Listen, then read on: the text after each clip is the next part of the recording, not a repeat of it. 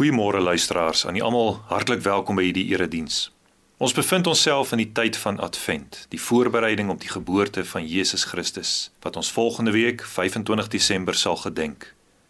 Nou die Engelse prediker Charles Spurgeon het gesê, ons kan dit waag om te beweer dat indien daar enige dag in die jaar is waarvan ons redelik seker is dat dit nie die dag is waarop ons Heiland gebore is nie, dit 25 Desember is.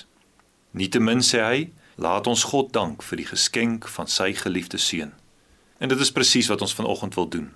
Die teks vir vanoggend se preek kom uit Johannes 1, die verse 1 tot 18 en ons gaan in besonder let op vers 14. Maar kom ons bely nou eers saam. Ons hulp is in die naam van die Here wat die hemel en die aarde gemaak het, wat trou bly tot in ewigheid en wat nooit sal laat die werke van sy hande nie. En ontvang dan die Here se groet. Genade vir julle en vrede van God ons Vader en van die Here Jesus Christus deur die kragtige werking van die Heilige Gees. Amen. Kom ons prys nou die Here met die woorde van Psalm 47 vers 1 en 4. Juig o volke juig.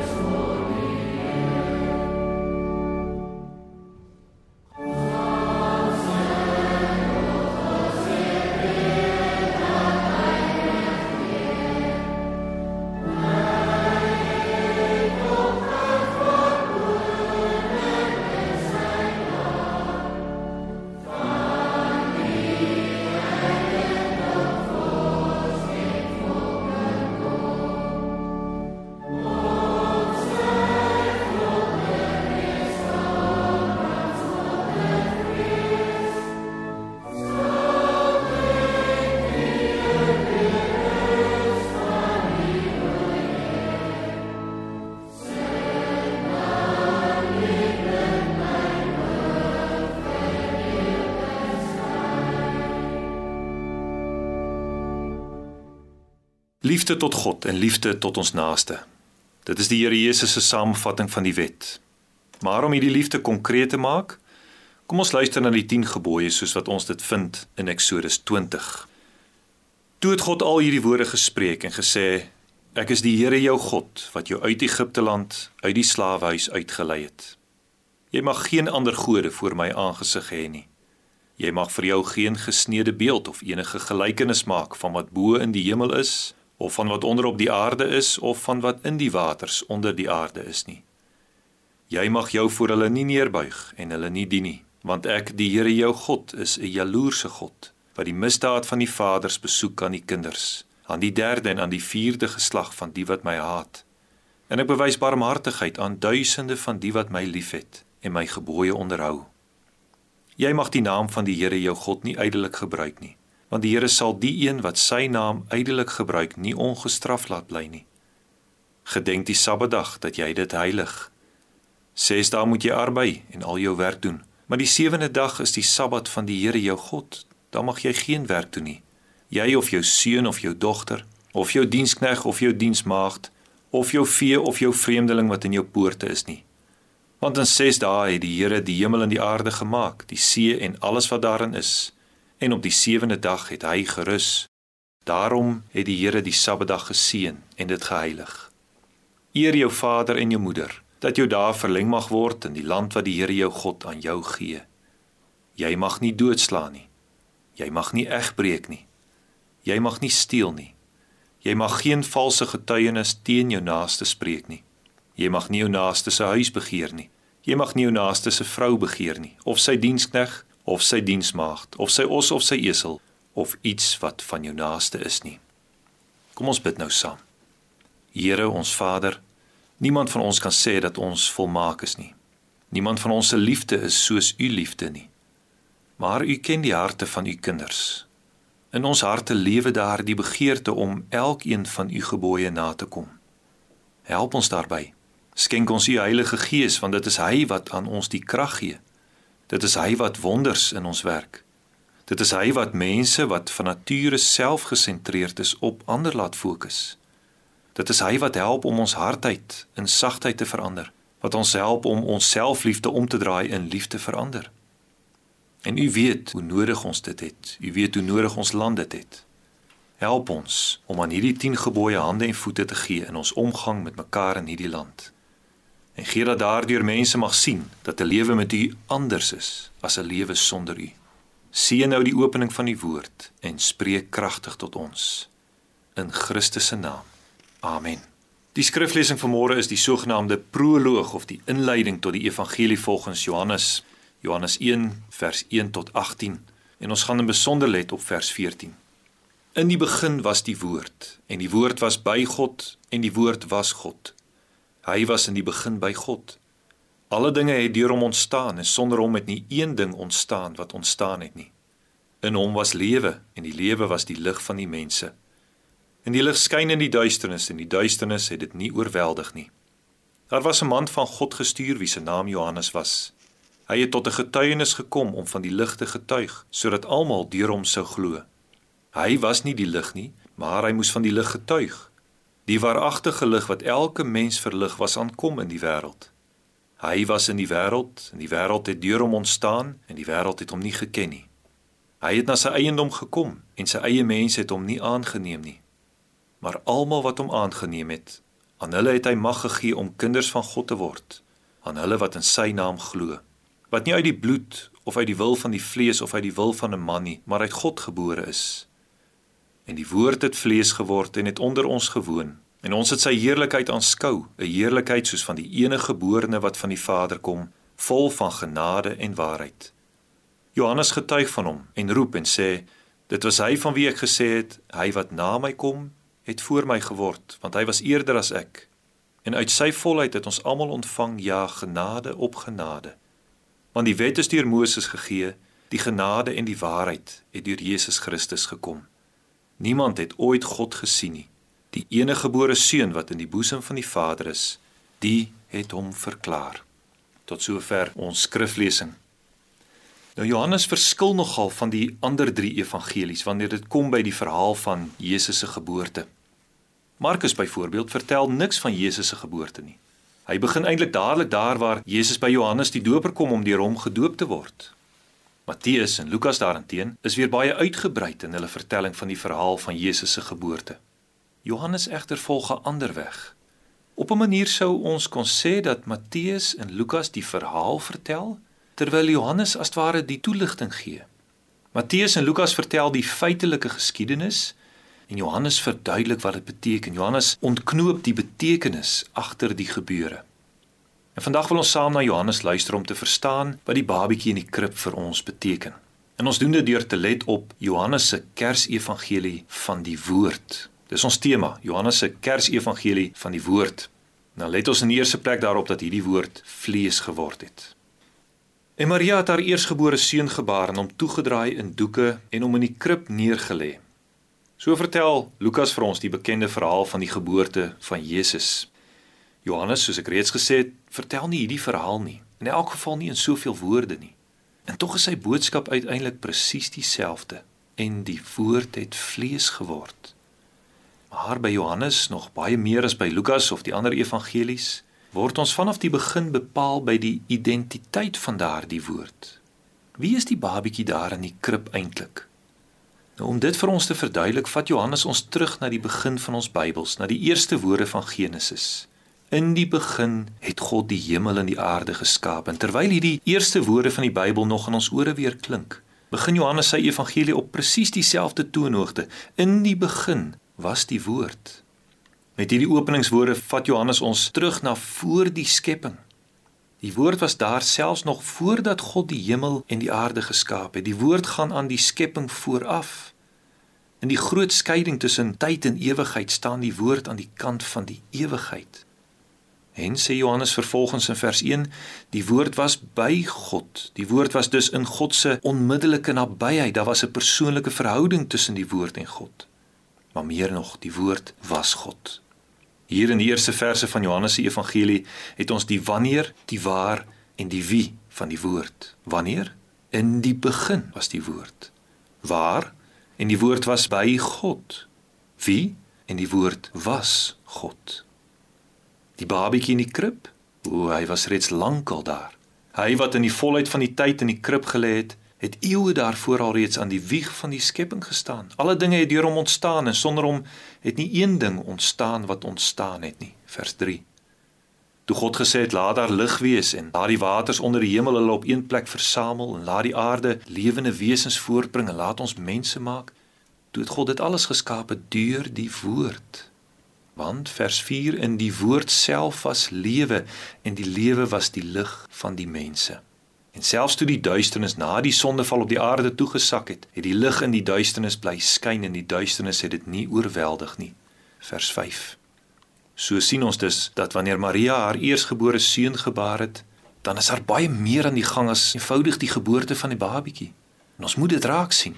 Want dis dan ook die rede waarom die wêreld en so baie Christene vandag nie verder kom as die staltoneel nie, omdat hulle vashak by 'n romantiese Jesus en nie wil deurstoot na die woord van die skrifte nie. Want wanneer Maria haar eersgebore seun gebaar het, dan het die woord, die ewige God self in sy skepings en in sy onderhoudingsmag dan het hy vlees geword, dan het hy mens geword. En dit is so 'n radikale boodskap. Dis 'n boodskap wat lynreg teenoor die tydsgees staan. Want in ons tyd is dit andersom. In ons tyd het die woord God geword. Almal mag sê wat hulle wil. Vryheid van spraak is 'n amper goddelike reg, selfs vir klein kindertjies. Aantuigings kan nie openbaar gemaak word sonder dat dit getoets is. Gerugte word as feite die wêreld ingestuur ook deur die hoofstroom media. Iemand word skuldig bevind selfs voordat sy saak voor die regter gedien het. En die platforms wat vir die doel aan ons gebied word is legio. Elkeen mag sy stem laat hoor. En jy kan dit doen sonder dat jy die ander een in die oë hoef te kyk, want die woord is God. Hoe ek ons soog hiervoor. En tog was daar nog nooit soveel onsekerheid oor die waarheid van woorde as juis in ons tyd nie. Elkeen mag sy woorde die wêreld instuur en tog weet niemand meer presies watter woorde om te glo nie. Watter koerant, watter nuuswebwerf is nog werklik betroubaar? Watter weergawe byvoorbeeld van die oorlog in Oekraïne moet ons nou eintlik glo? Wat het nou werklik met die staatskaping in ons land gebeur? Wat moet ek glo? Dis nie verniet dat redelik onlangs nog fake news die woord van die jaar was nie. Die woord is God ja, maar hierdie God het soos Dagon vooroor op sy gesig geval. En dan kom sê Johannes met sy wonderlike Kersevangelie vir ons. Hierdie woord het nie God geword nie. Die woord was lankal God. Nog voor die ontstaan van alle dinge. Maar weet jy wat is nou die wonderlike boodskap? Die woord het vlees geword. Ek hoef nie meer te skreeu om myself te laat hoor nie. Ek hoef nie meer myself op Facebook te laat geld met my uitsprake en my menings nie. Ek hoef nie langer verwar te word deur allerlei fopnuus nie. Ek kan stil word by die krib in die stal want hier volg die nuus, die ware nuus. Die woord het vlees geword. En hoekom is dit so belangrik dat dit juis die woord was wat vlees geword het? Hoekom praat Johannes nie eenvoudig van God wat mens geword het nie of van die seun van God wat mens geword het? Wel, want dit is volgens die laaste vers van Johannes se proloog vers 18 juis die woord wat vir ons die Vader kom verklaar het. Niemand het ooit God gesien nie, sê Johannes in vers 18. Om God te sien beteken hier dieselfde as om God te ken. Dit is om hom persoonlik te ken vanuit daaglikse omgang met hom. Geen mens het hierdie persoonlike ervaring met God nie. Net die enige gebore seun wat in die boesem van die Vader is, hy ken hom. Nou om in die boesem van die Vader te wees verwys na die gewoonte by oosterse maaltye dat die deelnemers by die tafel aangelê het. Jy het op jou sy gelê, gestut op jou elmboog, met jou bene agter die ander een se lyf ingeskuif en die ander een het met sy lyf hier voor jou bors ingeskuif. Op so 'n manier kan die een vriend naby die ander lê, ongeveer op borshoogte. Vandaar ons woord boesemvriend. So die einste Johannes wat hierdie evangelie geskryf het, self by Jesus gelê by die laaste Paasmaaltyd. Nou met dieselfde beeld beskryf Johannes hier die intieme verhouding wat daar tussen God die Vader en sy enige gebore seun bestaan. Die seun van God, die woord, het 'n vertrouensposisie by die Vader. Hy staan in voortdurende kontak met die Vader. Niemand weet meer van God nie as juis hy wat rus aan die hart van sy Vader. En daarom is juis hy uitermate geskik om die Vader aan ons te openbaar, bekend te maak. Dis die woord wat die Vader aan ons verklaar het. Die Griekse werkwoord vir verklaar is dieselfde as die woord eksegese wat ons vandag nog gebruik vir die uitleg van die skrif. As ek die skrif uitlê, dan doen ek eksegese. Die seun van God, hy is dus die eksegeet van die Vader. Die woord verduidelik vir ons wie die Vader is en wat sy vaderskap vir ons beteken. Die woord wat vlees geword het, is die eksegeet in al sy woorde en in al sy dade. Sy geboorte is eksegese van God wat bereid was om mens te word die wonderdade wat hy gedoen het. Om water in wyn te verander en verlamdes te laat loop en blindes te laat sien. Dis eksegese van God se mag om mense te verlos. Sy trane is eksegese van God se bewoonheid oor die mensdom. Sy reiniging van die tempel is eksegese van die heiligheid van God. Selfs sy dood aan die kruis is eksegese. Verklaring van die regverdigheid en die liefde van die Vader. Deur die woord maak die onsigbare God homself te sigbaar aan mense Meer nog, deur die woord kom woon die onsigbare by ons. Want die woord het vlees geword en het onder ons gewoon, so lees ons in ons teks vers 14.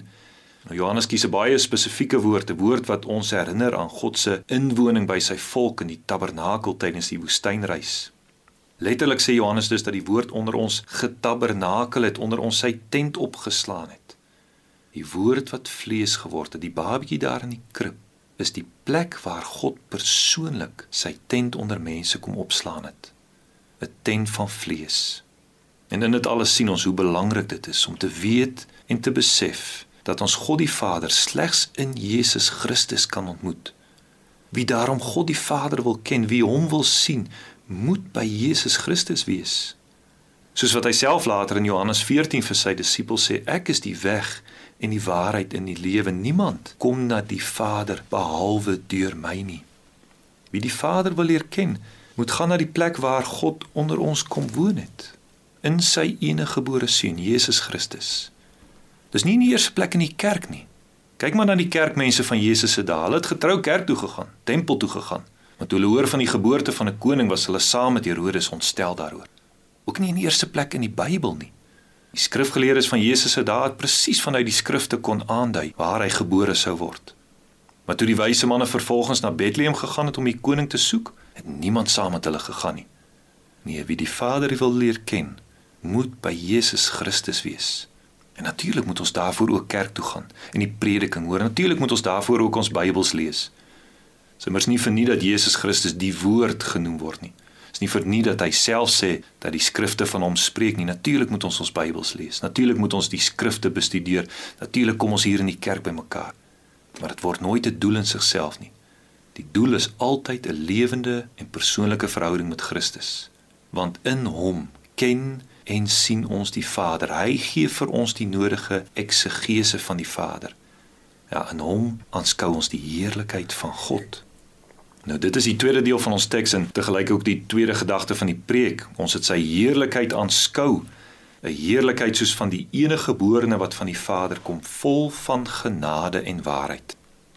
Die aanskouing van die heerlikheid moet ons sien in die lig van die voorafgaande, naamlik dat die vleesgeworde woord sy tent, sy tabernakel onder ons kom opslaan het. Dus ons moet die heerlikheid verbind met die tabernakel. Want wat lees ons wanneer die tabernakel vir die eerste keer in die woestyn in gebruik geneem word? Sodra Moses die werk aan die tabernakel voltooi het, dan lees ons in Eksodus 40 toe die wolk die tent van samekoms oordek en die heerlikheid van die Here het die tabernakel vervul.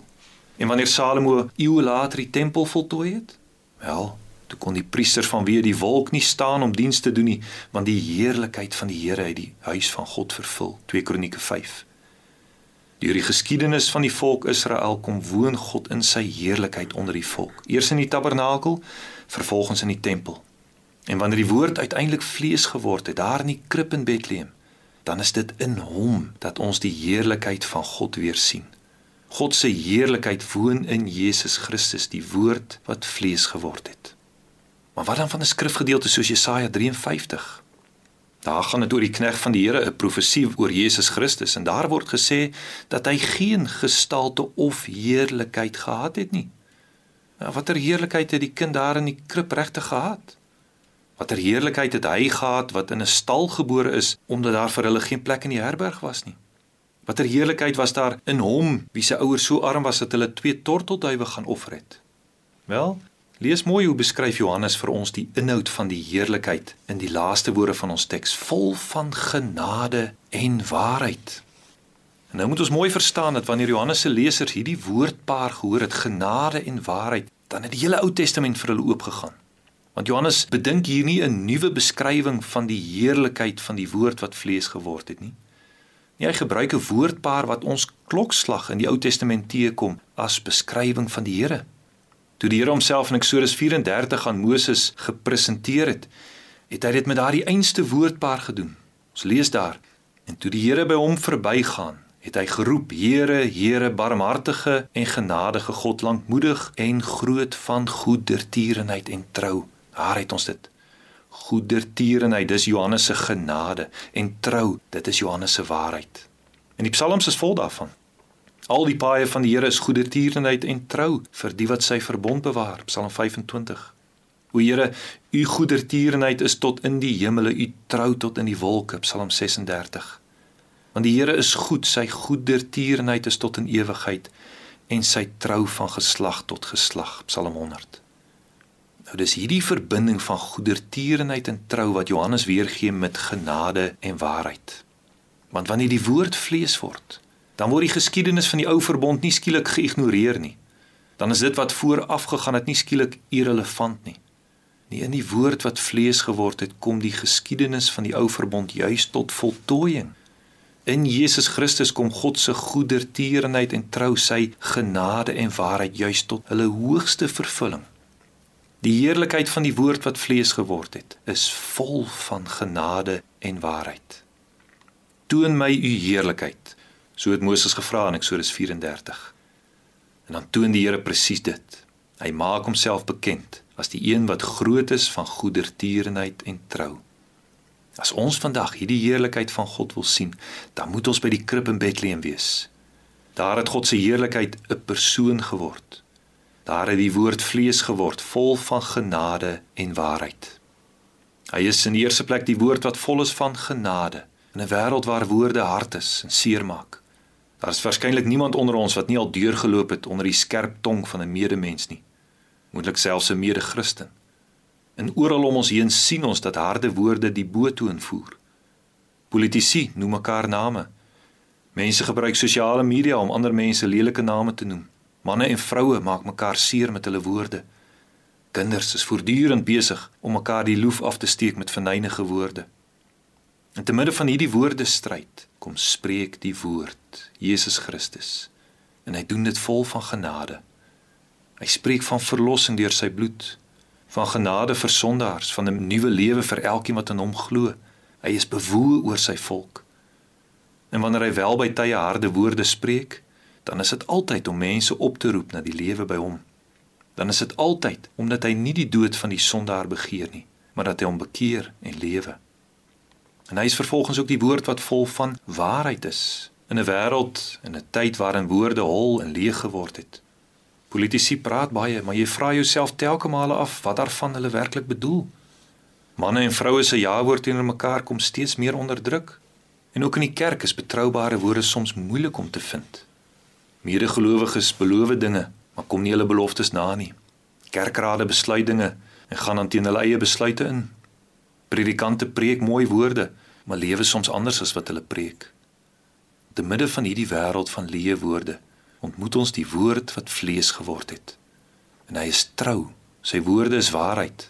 In hom is al God se beloftes ja en amen. Wanneer hy spreek, kan jy werklik op sy woorde staatmaak. En daarin lê nou die heerlikheid van die kindjie in die krib. Die woord wat vlees geword het. Sy woorde is vol van genade en goedertierenheid. Sy woorde is een en al waarheid en trou. En dit geld nie net sy woorde nie. Dis wie hy is. Hy is die woord. En in hom vind ons eksegese van wie God is. God is goedertierenheid en trou van ewigheid af. Hy is genade en waarheid deur die hele geskiedenis heen.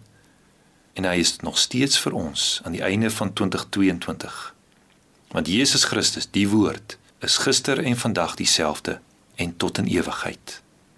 Amen. Kom ons bid saam. Onse Vader in die hemel, U ken ons geneigtheid om onsself te laat geld. Ons drang om gehoor te word. Immers almal om ons heen doen dit. Dan voel ons dat ons dit ook moet doen. Maar vandag leer U ons dat dit nie nodig is nie. Teenoor almal wat vertel dat die woord God is, of dit nou in geskrewe of gesproke vorm is, sê U vir ons dat die woord lankal God was, maar dat hy vlees geword en onder ons kom woon het. En ons mag geniet van sy genade en waarheid. Hierdie woord ons Here Jesus Christus is nie hard nie. Maak nie seer nie, beskuldig nooit sonder gronde nie. Nee, hy is genadig. Hy bring vir ons die boodskap van verlossing. Hy vertel vir ons die waarheid oor onsself. Maar hy vertel ons ook die waarheid oor U, U wat so vol genade vir sondaar mense is. Verlos ons daarom van ons natuurlike neiging om gehoor te wil word en leer ons om te luister, fyn te luister na hierdie wonderlike boodskap en help ons om wanneer ons geluister het, wanneer ons diep deurdring is van hierdie genade boodskap, om dan te gaan en dit met liefde aan ander te verkondig. Hier dat u kinders in hierdie wêreld nooit 'n harde boodskap sal bring nie, maar die evangelie, die goeie nuus. Vader, gee dat baie mense in ons land hierdie boodskap mag hoor en gered mag word. Ons wil vra dat u u kerk in ons land sal seën. Gee dat u kerk mag groei en 'n lig sal wees te midde van die ellende wat ons omring. U weet dat ons lief is vir die land. Help ons dan om ons liefde te wys met die woord van die evangelie en met die uitleef daarvan. En verheerlik so u naam. Ons bid dit om Christus ontwil. Amen.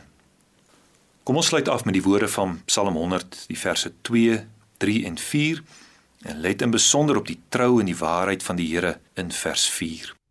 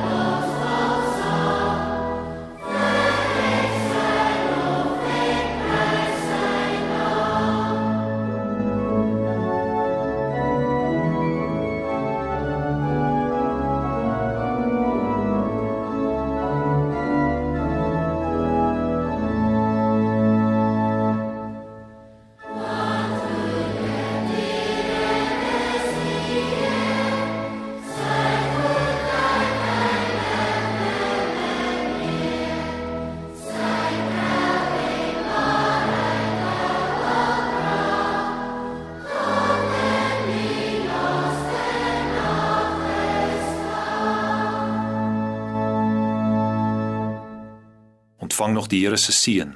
Die genade van ons Here Jesus Christus en die liefde van God ons Vader en die gemeenskap van die Heilige Gees is en bly met julle almal. Amen.